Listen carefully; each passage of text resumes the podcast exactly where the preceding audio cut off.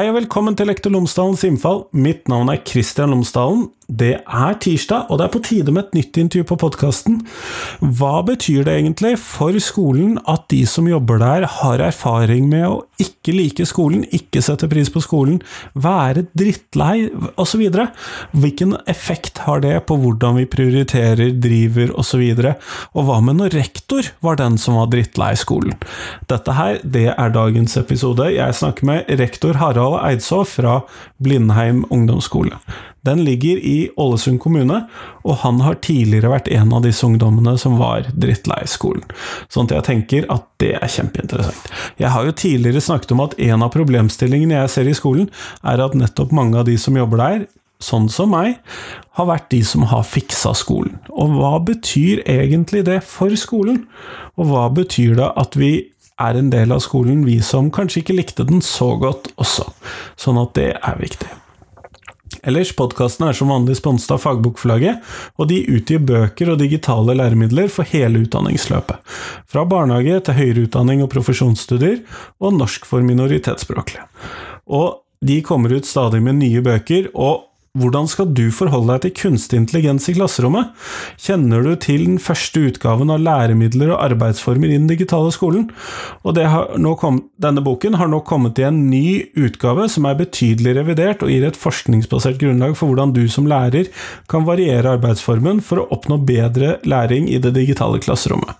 Boken altså Læremidler og arbeidsformer i den digitale skolen, andre utgave. I tillegg det er et nytt nyskrevet kapittel om kunstig intelligens i den, og du finner den på Fagbokforlaget. Den er skrevet av Øystein Gilje, forresten, som også har vært med på podkasten tidligere. Men nå, nå får du Harald Eidså, vær så god.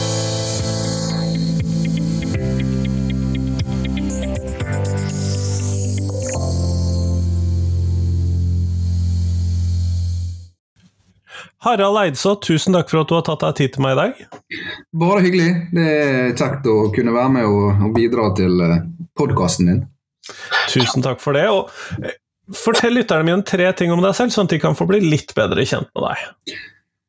Ja, jeg eh, er veldig opptatt av barn og unge som har utfordringer. Som ikke har det så godt som de burde hatt det. Alle har krav på en god hverdag. Jeg elsker familien min, ungene mine og kona mi. Og så er jeg United-fan, selvfølgelig. Selvfølgelig. min far er United-fan, eh, er United-fan, og min sønn er United-fan. Så dette, er, dette, går i slekters gang. Det høres sånn ut, ja. Eh, når vi i dag skal ha dette intervjuet, så lurte jeg på om du kunne starte med å fortelle litt om hvordan var Harald eh, på skolen? Ja Harald på skolen Du vet, Det var en helt annen tid enn den tida som er nå. Dette var her er jo i forrige århundre, eh, på 70-tallet. Eh, barneskolen var jo helt fantastisk. Uh, uh, når vi kom til ungdomsskolen, så var jeg faktisk eh, en av de elevene holdt, som vi skal snakke om i dag. var skolelei.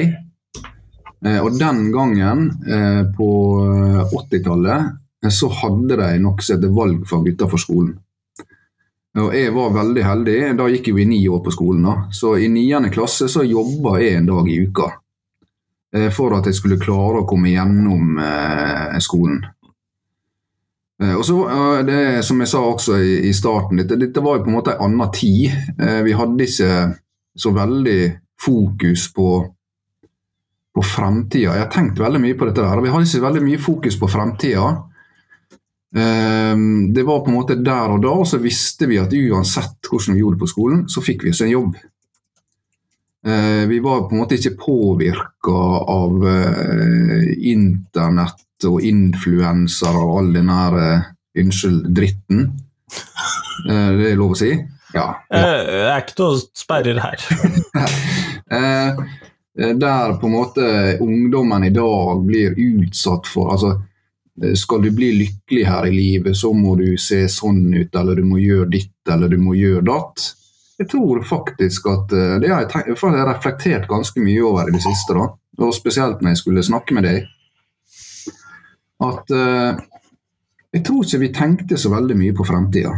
Jeg tror kanskje var, vi var mer der og da. Vi var lykkelige, vi bodde på landet. Vi, det var liksom Hvem skal vi være i lag med i dag? Eh, skal vi stikke og fiske?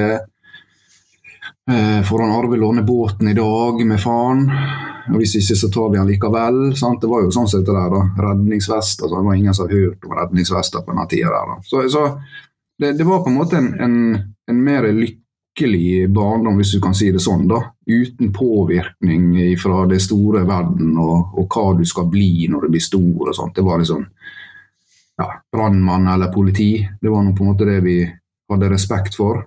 Mens i dag så, så blir de altså, Det er jo 24-7 med inntrykk av eh, hvordan du skal være og hvordan du skal se ut eh, for å bli lykkelig. og Du må iallfall ha en jobb der du tjener to mill. i året. Og, og hvis ikke du klarer det, så er du mislykka. Det er veldig mye prat, da. Men, men iallfall eh, det, det jeg har tatt med meg hele livet, det var at vi hadde faktisk dette valgfaget. Eh, altså valgfag utenfor skolen. Og det tror jeg redda meg. Da Da jobba jeg på en butikk og var med som lempis og kjørte ut møbler og var borte på lager og henta ut ting og tang til folk. Eh, så det var Det var Harald. Jeg villbass. Eh, jeg bruker å si det når jeg har elever her inne som ikke har gjort det sånn som de skulle gjøre. Eh, og det har jo de av og til.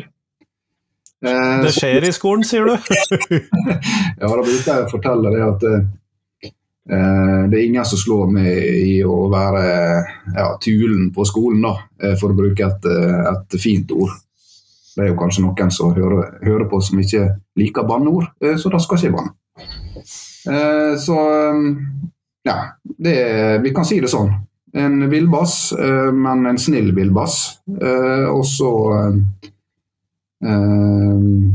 var det dette valgfaget utenfor skolen tror jeg, som redda meg i niende. da. Men hvorfor ble dette valgfaget viktig for deg?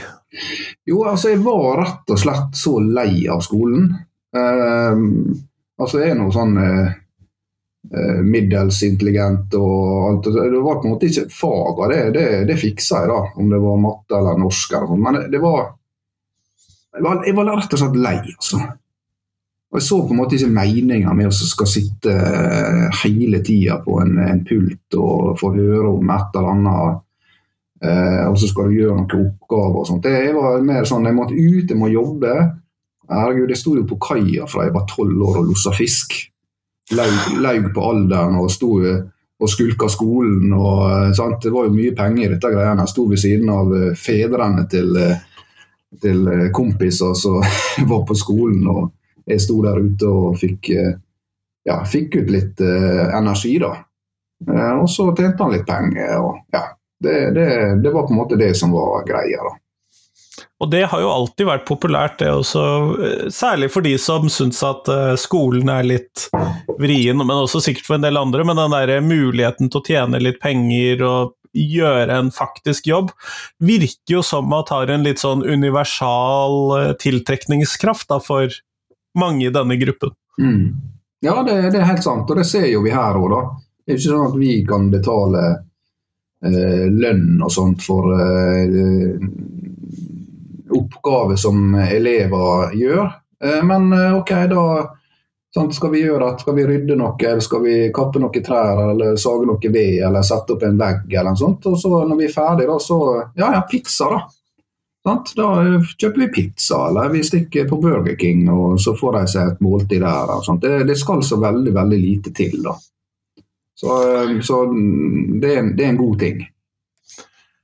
Uh, og nå har du jo nevnt litt det som var det jeg ville komme inn på. Det er litt sånn Hvordan har du tatt dette med deg inn i jobben som rektor? Fordi at uh, det er jo Jeg vet Ville ikke tro at det er veldig mange blant dine rektorkolleger landet over som tok f.eks. arbeidslivs- eller jobbing utenfor skolen som valgfag i ungdomsskolen fordi at de var såpass skolelei.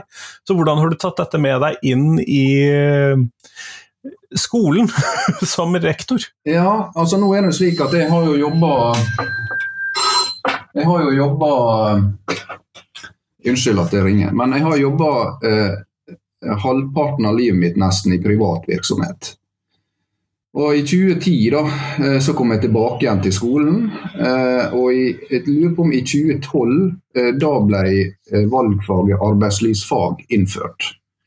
Og det heiv jeg meg på her på Blindern skole.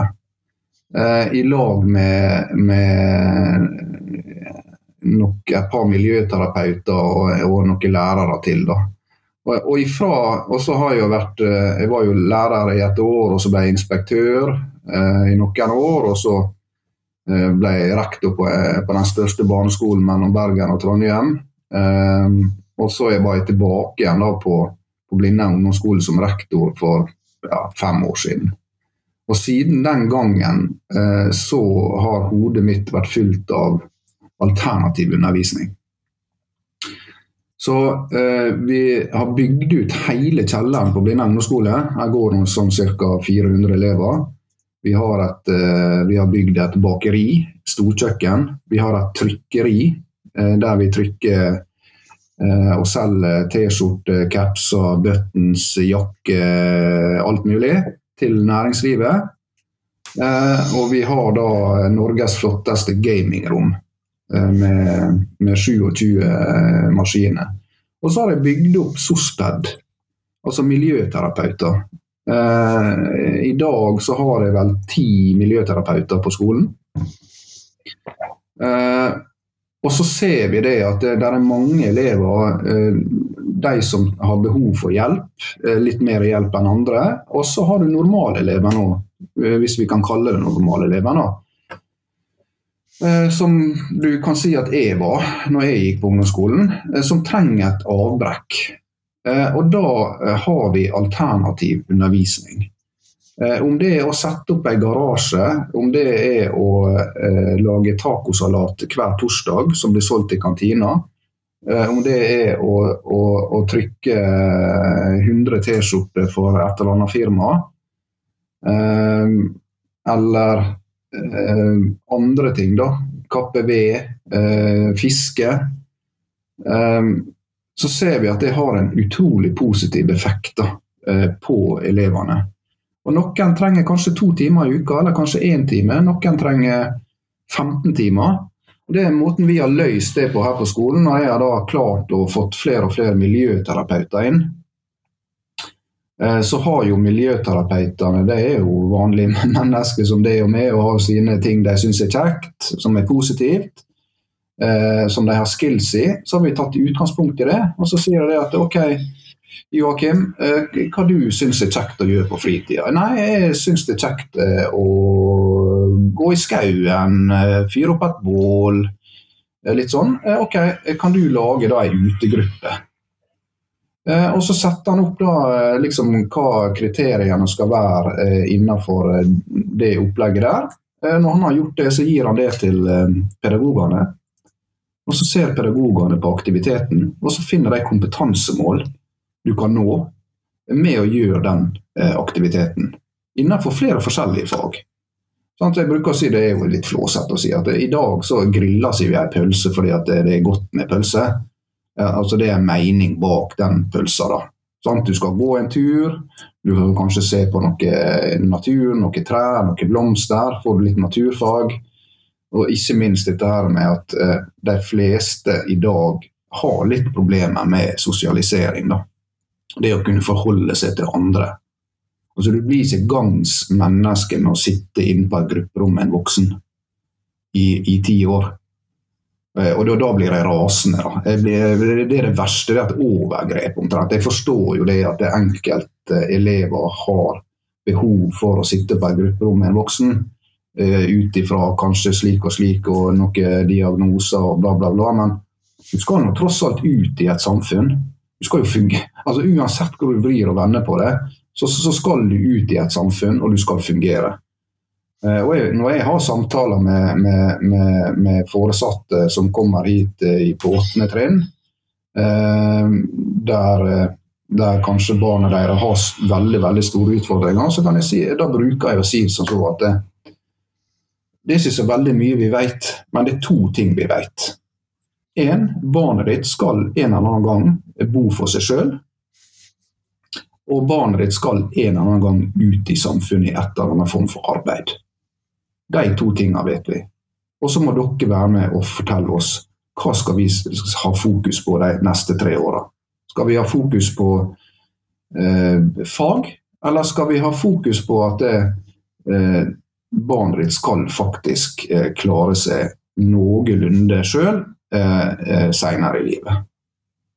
Eh, og Det er ganske sårt, det kan være sårt for veldig mange foresatte å høre det, men, men, vi kan på en måte ikke pakke inn alt i bomull heller. Altså Det vet vi, og, og da er det sånn OK, eh, da, da, da gjør vi det. Da, da, skal vi bruke disse årene på å forberede barnet ditt på at de skal bo alene en annen gang.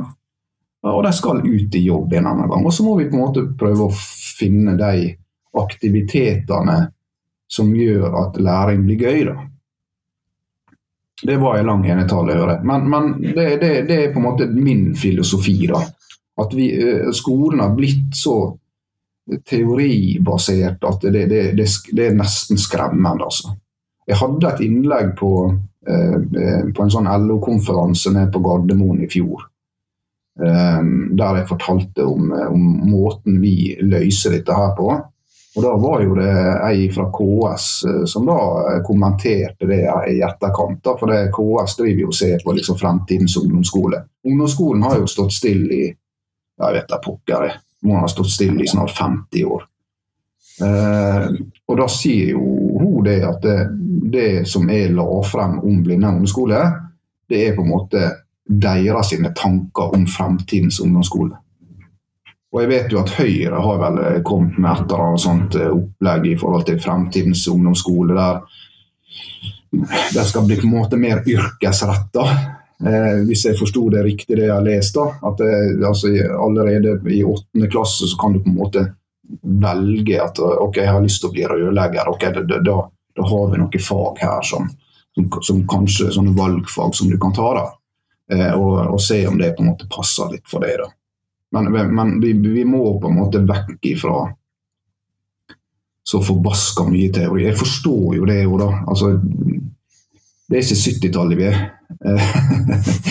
og, og, livet var på en måte litt enklere den gangen. Eh, eh, samfunnet i dag er jo komplisert. Altså, du må kunne eh, lese og skrive og, og regne og alt dette greiene der. Men, men, kanskje vi kan finne måter å gjøre det litt mer interessant på for enkelte grupper. Ja, og det er jo noe som flere av de jeg prater med har vært veldig opptatt av, og jeg venter i spenning på at Arbeiderpartiet skal komme med sitt forslag til en mer, som de lover at skal bli en mer praktisk ungdomsskole. Uh, og for de som lurer, så tar vi opp dette i begynnelsen av august, og så får vi se når dette blir sendt. Men i tilfelle noen har kommet med noe i mellomtiden Det kan jo alltids skje i opptakten til en valgkamp. Ja. Eh, sånn at her er det jo ganske mye spennende. Men du har altså da fått til å ha ti miljøterapeuter på en skole på 400 elever. Ja. Og det er det høyeste tallet jeg har hørt, med unntak av enkelte sånn helsepedagogiske linjer osv. Så ja. sånn at, og jeg syns jo det er eh, veldig spennende. Hvordan har du fått til dette? Nei, Det handler litt om eh, prioritering. Lite grann. Men så er det slik at eh, jeg har veldig mange barn med store hjelpebehov. Eh, og så er jeg litt opptatt av litt sånn profesjon òg, da. Um, at eh, eh, og når det, når det, er store hjelpebehov, så er det på en måte store hjelpebehov. Sant? Jeg trenger i utgangspunktet hjelp til alt. Eh, og da må vi ha inn eh, profesjoner som eh, er proffe på det. Altså Vi som er lærere, vi ble på en måte lærere fordi at vi hadde lyst til å undervise. Vi er kanskje interessert i enkelte fag som, sant? Og, og tar videreutdanning, om det er matematikk eller samfunnsfag eller hva det er for noe. Um, slik at uh, i og med at jeg har veldig mange barn, i, i år så har jeg tror jeg har 26 stykker som da skal følges opp gjennom hele dagen. og Da må du på en måte ha en profesjon som kan ta seg av dem. Pedagoger skal eh, undervise. Og så skal de selvfølgelig ha ansvar for elevene sine, om det er kontaktelever eller om, det, om de er bare faglærere. Så, så skal de, og de ha stor omsut for, for alle elevene på skolen, men, men vi, vi, må ha inn profesjoner som, som, kan ta seg av de elevene som har svært store hjelpebehov. Så, så og, og, da må en prioritere. Og uten miljøterapeutene kan bare glemme det. Ja, det, det har ikke gått. Det, det er helt umulig å få, få, hverdagen til å gå rundt uten miljøterapeuter, iallfall her på Blindern ungdomsskole. Så, ehm, ja. Og jeg ser jo at det er noen av de som jeg har snakket med, for, for som gjerne er vernepleiere, miljøterapeuter uh, i ulike variasjoner, som nettopp understreker dette, og som ønsker at det skal være flere vern, eh, av den typen yrkesgrupper inn i skolen. Og der eh, virker det som du er ganske enig. ja, vet du hva, eh, og jeg er helt seriøs når jeg sier det. Eh, eh, vi kunne ikke ha drifta Blindern ungdomsskole uten miljøterapeutene. Det, det, det, er komplett umulig. Og, og vi har jo jobba veldig mye med organiseringa av SOSPED-en, som vi kaller det. da vi har SOSPED, og så har vi SPESPED. Eh, og Det går som hånd i hanske. Vi har en som, ei som leder SOSPED-en og ei som leder SPESPED-en. og De samarbeider utrolig godt. Eh, vi begynner jo allerede i september med neste års åttende trinn. Eh, og de er med på alle møter med skoler, med foresatte, med PPT. Eh, og så har vi tatt det som bolig bruker, da, med primærkontakter. Slik at eh, alle elever med store hjelpebehov har eh, selvfølgelig kontaktlærer, men de har også primærkontakt. Og det er en miljøterapeut som har den daglige eh, kommunikasjonen med heim og med eh, de instanser som da eventuelt fyller, følger disse elevene opp. Da. Så, så, men det, det, har vært helt umulig. Og, og det som er så kjekt, da, det er ikke sånn at jeg er lærer og du er miljøterapeut. Det, det, jeg har aldri hørt noen liksom sagt noe eh, negativt om den ene eller den andre. Her er vi et kollegium. Og Jobben vår er å sørge for at alle elever har en god hverdag. At alle elever kommer på skolen hver dag. Og Jeg har stått mange ganger foran foresatte, foreldremøter og sånt, og, og, og sagt, og det mener jeg, hva resultatet er på nasjonale prøver. Jeg kunne ikke ha brydd meg mindre. Altså, Det interesserer meg en viss plass. Det som interesserer meg, det er at alle elevene på Blindern ungdomsskole kommer på skolen hver dag. For da er det en trygg og god plass for dem. De har gode voksenrelasjoner. Og er de trygge, er elevene trygge, så lærer de. Altså, Du kan ikke lære en utrygg elev noe som helst. Fordi de bruker energien sin på å gjemme seg, ikke si noe, eh, og bare prøve at ingen ser dem. Så, så, eh, så SOSPED-en er jo altså Det er helt fantastisk. Det er de som er inne i starten og bygger relasjoner, eh, gir den gode følelsen, skaper trygghet og når dette på en måte er i boks, så begynner læringa. Så jeg eh, elsker miljøterapeuter.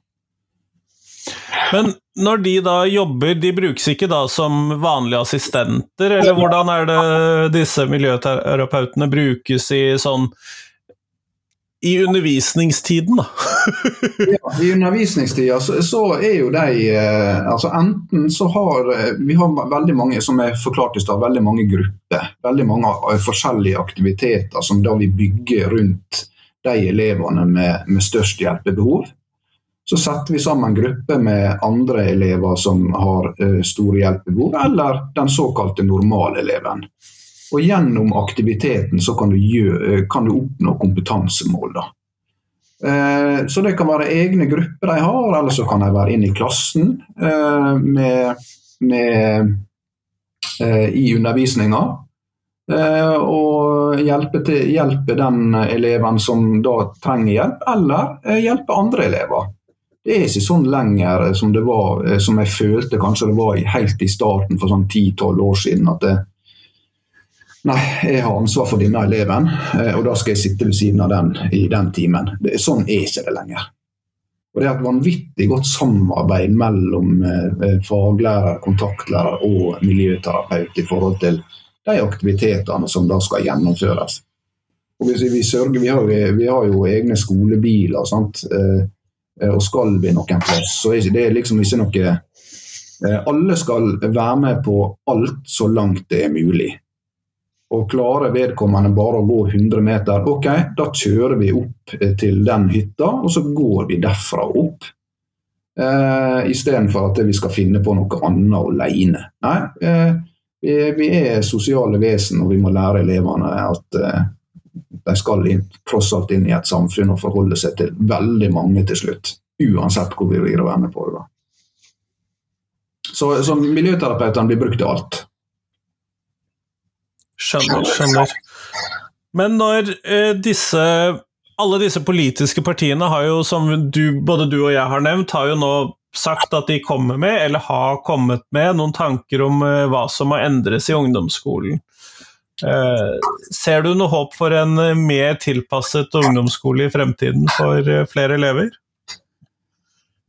Ja, altså Hvis vi ikke gjør noe, så, så tror jeg faktisk at vi skaper enda flere tapere.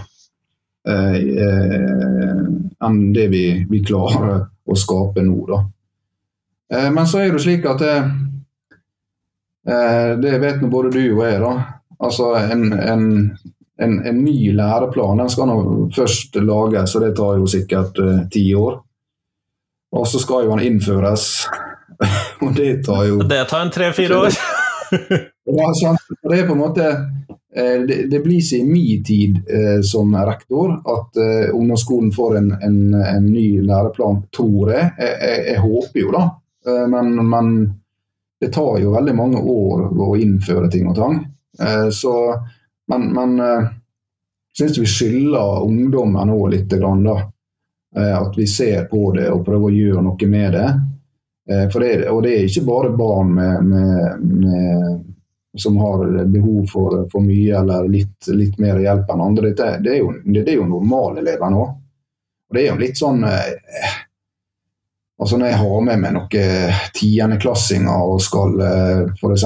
skru ned et skap og sånt, og det, det, er litt sånn sjokkerende da når de får en, en batteridrill i handa, så har de, har de aldri brukt en batteridrill før. Sånn du, du, du, må, du, må, jo ha sertifikat omtrent nå for å, for å sage fjøl. Eh, det er jo på en måte det, det, er jo, det, er jo, samfunnet sin feil. altså Det er min feil. altså Jeg har jo tre barn. jeg, jeg må jo bare si at ja, jeg orker ikke liksom å skal lære opp eh, fordi at jeg gjør det, og da, da, gjør jeg det, og da blir jeg ferdig med det. Jeg, jeg tror det er litt sånn, da. Men, men det, de kan jo nesten ingenting i dag. Veldig mange. Og det, det er litt, litt sånn skremmende, da. Syns jeg. Ja, og da er det vanskelig å skylde på noen andre enn oss foreldrene. Ja, nei, det, Vi kan ikke skylde på noen andre enn oss sjøl. da. men, men, det må på en måte en holdningsendring til. da. Eh, og sant, eh, Ikke får de bruke sag, og ikke får de bruke ditt, og ikke får de klatre i trær. Og Da må jo ha EU-godkjent sand under trærne i tilfelle de skulle dette ned. Eh, så det er litt sånn eh, Ja, jeg, jeg syns det er litt eh, Vi gjør oss sjøl ei bjørnetjeneste, da. Så vi må få inn mer aktivitet i skolen. Mer fysisk aktivitet. Ting som kan være litt spennende og kjekt å gjøre. Og så må vi da ha fokus på de aktivitetene som vi, som vi har, eh, og at han kan også nå kompetansemål gjennom det. da. Kjempeflott. Harald, vi går mot slutten av dette intervjuet, og da lurte jeg på om du kunne svare på det som spørsmålet jeg stiller til alle jeg intervjuer for tiden, og det er hvilken lærer har gjort størst inntrykk på deg, og hvorfor det? Ja, det er nå faktisk eh, flere. Du, vet, du er jo i perioder i livet. Men jeg hadde en eh, vanvittig god historielærer på gymnaset i Sykkylven som heter Frank Sorsa. Uh, og jeg tror at han har gjort mest inntrykk uh, på meg. Og det er fordi at han var han var streng, altså. Uh, men han var rettferdig. eh, og han eh, Og du gjorde leksa di selv om du var 18 år. Så, så, jeg tror Frank Sorsa han er en av de beste lærerne jeg har hatt i mitt liv. Fordi at han var, han var streng, han var, men han var rettferdig. Og, og, og, han underviste på en utrolig eh, bra måte. Kjempefint. Tusen takk for at du tok deg tid til meg i dag. Bare hyggelig. Får du ha en eh, fin dag videre.